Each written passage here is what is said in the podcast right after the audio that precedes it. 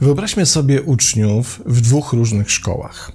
Żeby nas nie kusiły porównania, umieśćmy szkołę A na planecie A w niewidocznej gołym okiem galaktyce, zaś szkołę B w galaktyce dokładnie po drugiej stronie wszechświata. Szkoła A działa w systemie otwartego nauczania, w którym na podręczniki, przekaz nauczycieli czy też program nauczania nie ma wpływu żadna ze znanych ideologii, perspektyw widzenia rzeczywistości czy wierzeń. A to oznacza, że uczniowie obserwowanej przez nas szkoły mają dostęp do pełnego spektrum przekonań, a wybór, którą ze ścieżek chcą w swym edukacyjnym życiu kroczyć, został pozostawiony ich decyzji, która następnie jest szanowana przez ich szkolnych opiekunów na wszystkich szczeblach. Dla odmiany w szkole B o miliony lat świetlnych dalej. Programem nauczania zarządza jeden wybrany system przekonań a inne są albo pomijane, albo deklasowane. We wszystkich przedmiotach podkreśla się więc dominującą wizję świata, przekonania i wiarę i jednocześnie wyśmiewa i umniejsza znaczenie innych, uznając je za błędne i niewłaściwe.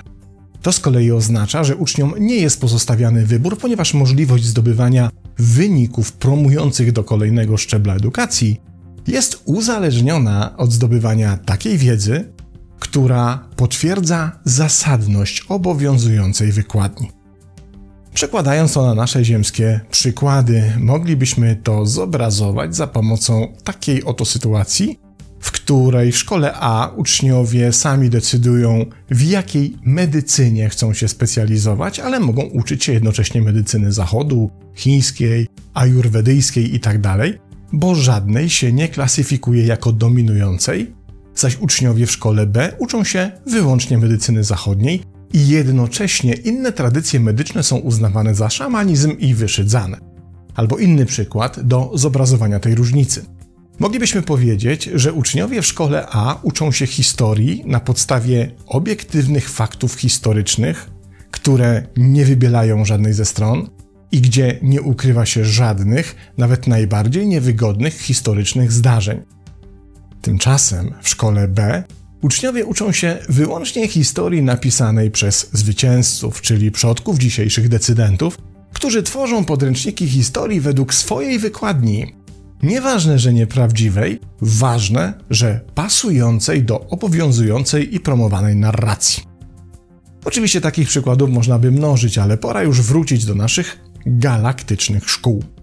Teraz spróbujmy sobie odpowiedzieć na pytanie, czy i w jaki sposób obydwa systemy będą miały wpływ na proces rozwoju w obydwu szkołach? Czyli mówiąc inaczej, którą ze szkół opuszczą w finale swojej edukacji bardziej rozwinięci i inteligentni absolwenci? Odpowiedź wydaje się niezbyt trudna, bo gdzieś z tyłu głowy tli się jakiś rodzaj przekonania, że światełko oświaty w szkołach ideologicznie otwartych pali się jaśniej niż w pozostałych. Jednak w rzeczywistości odpowiedź na to pytanie jest nieco bardziej skomplikowana, co pokazały ostatnie badania. Ale zanim przejdziemy do omówienia ich nieco zaskakujących wyników, najpierw spróbujmy odpowiedzieć sobie na pytanie, dlaczego uważamy, że w kontekście rozwoju swoich podopiecznych szkoła A zanotuje wyższe wyniki niż szkoła B. Najprawdopodobniej odpowiedzi na to pytanie udziela teoria samostanowienia, sformułowana w ubiegłym wieku przez Edwarda Deci i Richarda Ryana. Według niej za motywację do działania odpowiedzialne są m.in. potrzeba autonomii oraz kompetencji. W tej pierwszej zawarta jest swoboda wyboru, dzięki której rośnie prawdopodobieństwo, że człowiek zaangażuje się w rozwój kompetencji w tych obszarach, które go najbardziej interesują i których eksploracja dostarczy mu najwięcej satysfakcji i przyjemności. I ten wybór nie tylko poprawia samopoczucie i utrzymuje je w procesie edukacji na niesłabnącym wysokim poziomie, ale również powoduje, że sam proces uczenia staje się szybszy i bardziej efektywny. Wtedy też pojawia się wewnętrzna motywacja, odpowiedzialna m.in. za poziom skuteczności, która ułatwia osiąganie wytyczonych sobie zamierzeń. Zatem wychodzi na to, że im więcej damy komuś autonomii, tym wyższy stopień kompetencji osiągnie. Niestety nie działa to w ten sposób. Bo, co po latach pokazują badacze weryfikujący teorię samostanowienia, sama autonomia czy wolność wyboru nie tworzy kompetencji. Czy zatem nie jest tak, że jedynie znacznie wzmacnia kompetencje już istniejące, pozwalając się rozwinąć najbardziej uzdolnionym i utalentowanym jednostkom, a w przypadku tych pozbawionych uzdolnień raczej nie przyniesie jakichkolwiek efektów? Ten dylemat usiłowano rozstrzygnąć w badaniach, których wyniki ogłoszono we wrześniu tego roku i które zostały przeprowadzone przez zespół badawczy Uniwersytetu imienia Radbouda w Holandii. W trakcie badania grup studentów, u których wcześniej zmierzono poziom kompetencji w konkretnych obszarach, manipulowano dwiema zmiennymi: trudnością wykonywanych zadań oraz możliwością dokonywania swobodnego wyboru ich obszaru. W efekcie okazało się, że w tych przypadkach, w których początkowy poziom kompetencji był niski, wolność wyboru traciła swój korzystny wpływ zarówno na efektywność odpowiedzi, jak i na proces zapamiętywania. Jedna z autorek badań podsumowała to w następujący sposób: Jeśli brakuje ci kompetencji, to wolność wyboru traci swój korzystny wpływ, ponieważ nie możesz w pełni nauczyć się tego, czego pragniesz.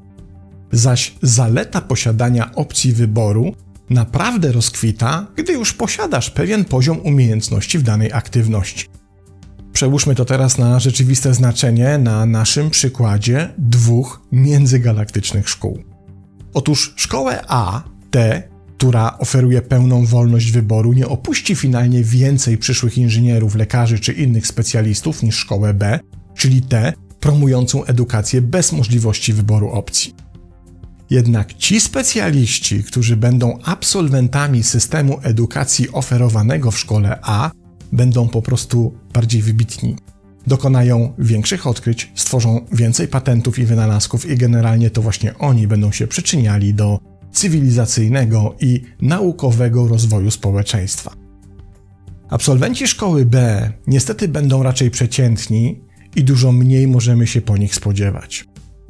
Różnica polega na tym, że system oferowany przez otwartą na różne opcje szkołę A ułatwi niejako wyłowienie z tłumu przeciętności jednostek wybitnych i zaoferuje im najbardziej optymalne warunki rozwoju.